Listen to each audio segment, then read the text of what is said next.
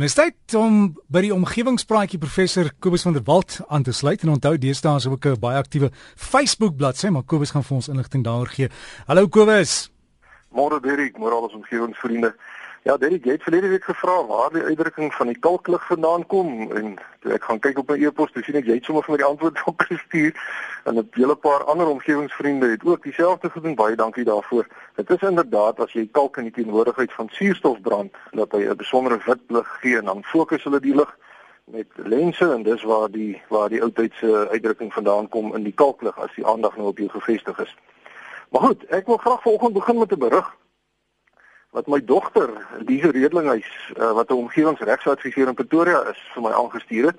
En dit is dat die munisipaliteit van George onlangs 'n bywet uh, geïmplementeer het wat eienaars van honde en katte verplig om hulle troeteldiere te steriliseer. As jy nie jou dier wil steriliseer nie, moet jy 'n permit koop wat jou R1000 per jaar per dier sal kos. Daar's 'n 6 maande oorgangsperiode vir almal om hulle diere te laat steriliseer. En ek dink daar's 'n hele paar ontevrede troeteldier eienaars in George want dit kos 'n klomp geld om diere te laat steriliseer en ek hoor al hoe die meer liberale mense brom dat dit hulle reg is om te besluit of hulle hulle troeteldiere wil steriliseer of nie. Maar die feit van die saak is dat daar ongelukkig heeltemal te veel hondjies en katjies gebore word en dis onbeplande goed. Dis nou nie mense wat teel met die goed nie. En dan later dan word baie van die goed uh, word dan verwaarloos en dan moet die dierebeskermingsvereniging die diertjies versorg of hulle uitsit. Nou dit gebeur ongelukkig dat mense nou vir hulle kinders of hulle kerels of hulle nooiens 'n pragtige ou klein hondjie of 'n katjie koop as 'n geskenkie en dan na slegs 'n paar weke dan word die diertjie nou 'n las want nou moet daar gereël word as mens vir 'n naweek wil weggaan. Jy moet vir die ding kos koop, hy moet gebad word, hy moet ingeënt word, jy moet skoonmaak agterom en die hondjie begin jou tuin se besproeiing opvreet en die kat begin snags die buurman wakker melk. Ek is daarom ten gunste van die wet wat George nou toepas en ek hoop werklik dit word landwyd uitgebrei. Want saam met die eienaarskap van 'n troeteldier kom daar 'n groot verantwoordelikheid en baie mense kom dit eenvoudig nie na nie. Nou daarmee wil ek nou nie sê dat mense nie troeteldiere behoort te hê nie, want ek het self twee Jack Russell hondjies waarvoor ek baie lief is en 'n troeteldier is iets waarmee mense natuurlik op 'n baie effektiewe wyse vir kinders verantwoordelikheid kan leer.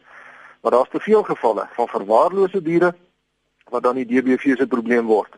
En as nou een ding is wat my regtig kwaad maak, is dit dieremishandeling of die verwaarlosing van diere. En daarom net so 'n kantaantekening is ek ook nie, ek hou nie van visse in 'n glasbak of voëls in 'n hok nie. Al is jy hoe lief vir jou African grey papegaai, as mens mooi daaroor dink, dan veroordeel jy daardie voël tot lewenslange gevangenisstraf sonder die opsie van parol agter 'n voëlhokse tralies net omdat hy vir jou mooi is en jy hom naby aan jou wil hê. Voëls moet vry in die wye lugruim kan rondvlieg en visse wat in akwariums is moet vry in die oseane of in riviere kan lewe en 'n dieretuin is vir my eintlik 'n verskriklike plek as mens kyk hoe daai diere op en af voor die tralies loop. Mens, as jy wil sien hoe lyk die omgewing, gaan na die omgewing toe. Jy moet hom nie kom gevange hou hier naby jou nie.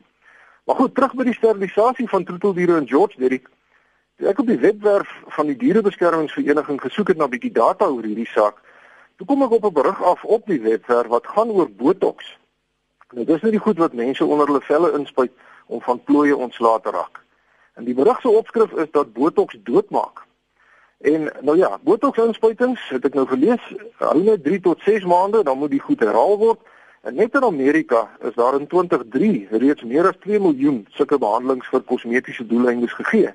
So wie weet wat die 2015 syfer is. Nou botox is 'n afkorting vir die botulisme tipe A gifstof. En dit werk deur die seine tussen jou brein en die spiertjies op jou gesig wat plooie veroorsaak te onderbreek. Met ander woorde, botox verlam jou gesigspiertjies.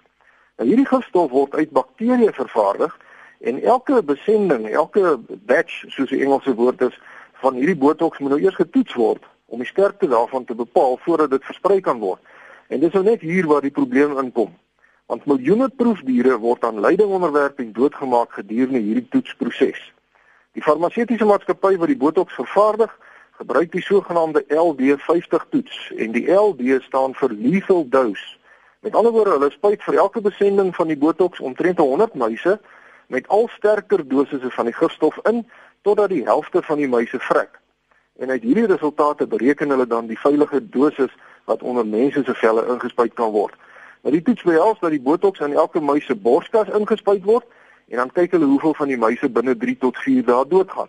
En daaruit word die LD50 dosis dan bereken.